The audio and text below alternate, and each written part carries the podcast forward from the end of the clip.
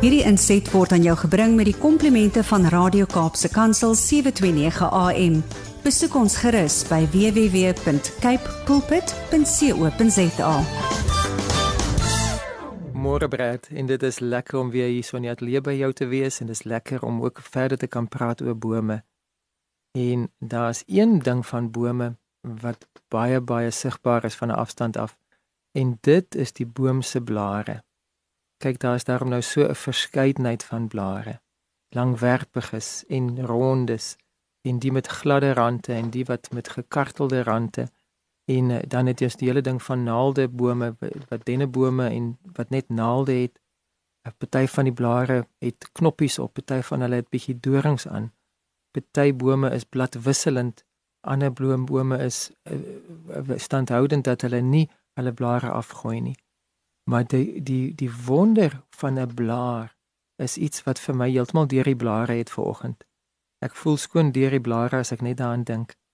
En ehm um, voordat ek heeltemal in verwondering ingaan en ons 'n bietjie praat oor die ins en outs van elke blaar en dit op toepassing maak van ons lewens, wil ek net weer verwys na ons skrif Jeremia 17 en uh In daai 17 vers 7 en 8 verwys hy na die wonder van dat ons so 'n geseënde boom is en onder andere sê hy dan nou It does not fear when heat comes. Its leaves are always green. It has no worries in a year of drought and never fails to bear fruit. So hierdie ideale boom se blare kry nooit swaar nie. Die die die een van die die simbole wat die Here gebruik is dat hierdie boom se blare vir verlep en verdor nie. En ons gaan 'n bietjie praat oor verlep vanoggend ook voordat ons uh, on, uh, saam bid. Maar laat ons net eers bietjie kyk net na die wonder van hierdie klein eenvoudige dingetjie wat jy in jou hand kan vashou, maar wat eintlik tegnologies so 'n gevorderde klein fabriek is. Dat hierdie blaar kan so waar 'n bietjie vog uit die grond uitvat, 'n bietjie voedingsstowwe vat en dan 'n uh, koolsuurgas uit die uit die lug uit opneem en dan die koolstof daaruit onttrek en dan met die wonderlike proses van fotosintese en transpirasie kan hy die son wat op hom val gebruik om daai sonligenergie meer effektief as wat enige sonpaneel dit kan doen uh, daai energie in te wan uh, om te benut om hierdie chemiese proses te laat plaasvind en dat hierdie basiese boustene dan 'n 'n chemiese reaksie veroorsaak en dat die koolhidrate gevorm word en dat hierdie koolhidrate en ander voedingsstowwe dan dwars deur die blaar, dwars deur die takke, dwars deur die boomstam tot in die wortels en selfs kan uitgeskei word deur die wortelpunte dat hierdie boom homself kan voed en dat hy vir jare en jare en jare vir eeue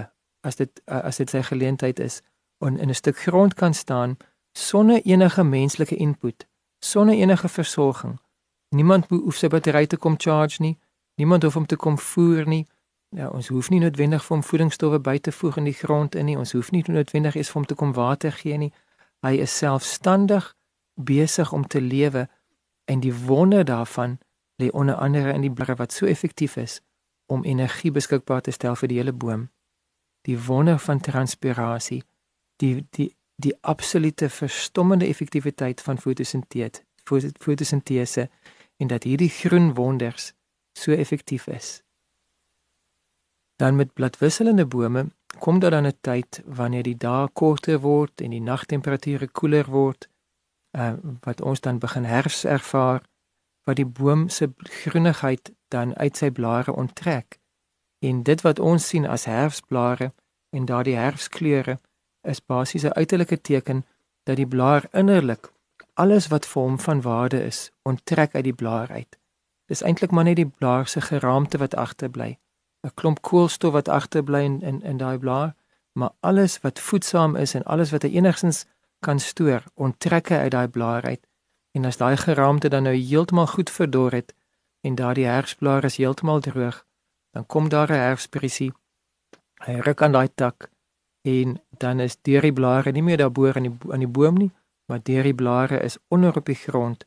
En uh, as dit in jou erf is of naby jou swembad is, gaan jy heel waarskynlik 'n hele klompie harkwerk hê om al daai herfsblare op bymekaar te hark en dan uh, bymekaar te maak En so as 'n kant aantekening verkieslik nie weg te gooi nie, maar te hou as goeie kompos of om as, as 'n mulch te gebruik om jou plante se se se grondwater te beskerm. Maar daardie daardie blaar as dit nou nie herfsttyd is nie en hy is nie besig om sy uh, voedingsstowwe self te onttrek nie, as hy nog lowergroen is en jy sou hom dan vat en hom binne in 'n dik boek sit en daai boek uh, tussen 'n klomp ander swaar ensiklopedieë sit of in 'n in 'n pars sou sit en jy pars daardie blaar. Dan bly hy groen al sy vog word onttrek en hy is dan 'n geparste blaar wat lank behoue kan bly en hy sal nie vergaan nie hy sal nie hy sal nie muf nie hy sal nie hy sal nie dan verder verdroog nie maar 'n geparste blaar is anderste as 'n herfsblaar want al daai suikers en koolhidrate is nog steeds in die groenigheid in maar net sy vog is onttrek. En is dit nie 'n wonder om te dink dat daardie blaar as jy dan na hom kyk jare later is nog steeds behoue gebly nie? Jy kan dan aan, aan die blaar se rand vat en voel hierdie is 'n gladde uh, randblaar of hierdie is 'n gekartelde blaar of hierdie is 'n gerifte blaar. Ek dink die Engelse woord is so mooi serrated en uh, jy sal nou nie noodwendig met daardie uh, serrated blaar kan brood sny nie en hy sal nie, nie maklik vir jou seer maak nie, maar daar is blare wat dorings het. En my eerste vraag om dit van toepassing te maak op my en jou is wat is jou blaar se rande? Hoe hoe is dit? Is jy 'n gladde tipe van persoon? Is jy maklik om mee oor die weg te kom? Is dit maklik om met jou skouers te skuur? Of het jy nogal 'n bietjie van 'n van 'n geriffelde kant of selfs 'n 'n skerp kant? Of is jy selfs iemand wat kan prik en seermaak? Nou, ons moet verskillende persoonlikhede hê en soos wat ons by 'n vorige gesprek gesê het, die Here het juist daai verskeidenheid so bedoel en dit het juist so bedoel dat ons moet verskillend wees en ons hoef nie te wees soos iemand anders nie en ons moet onsself wees. Maar selfs al is jy iemand wat maklik mense kan prik en maklik hulle kan krap, moet jy vir die Here vra wanneer daardie krap nodig is dat dit net sal wees as dit regtig nodig is dat jy nie onnodiglik mense seermaak nie. En aan die ander kant van die spektrum as jy glad is, as jy iemand is wat wat gemoedelik is, wat maklik oor die weg kom, moet jy vir die Here vra dat jy die moed van jou oortuiging kan hê om indien dit sou nodig wees as die verhouding dit vra dat jy nie sal glip glad net sal verbyglip van die kwessie nie maar jy dit die konflik in die oë sal kyk en sal sê hier gaan ek vas staan ek gaan nie verbyglip nie. Ek gaan uh, myself laat hoor. Ek gaan myself laat geld. Ek gaan my standpunt stel selfs al laat dit 'n krap merk aan die ander persoon oor. Want ons moet soms mekaar krap. Spreuke sê eyster slyp eyster. En daar is soms vonke wat spat in daai proses. Maar na die tyd is ons geslyp, na die tyd is ons meer die mense wat ons moet moet wees. Ons is gevorm en ons is meer in staat om die lewe te kan face. Daar is ook die realiteit dat as 'n boom gedurende die somermaande hier by ons in die Kaap of dan uh, enige tyd wanneer die boom swaar kry in terme van vog dat hy sy vogtigheid binnekant toe trek dat ter wille van oorlewing sal die boom van die vog toevoer na sy blare sal hy begin beperk. Dis amper soos uh, dat hy sy blare op rantsoene sit.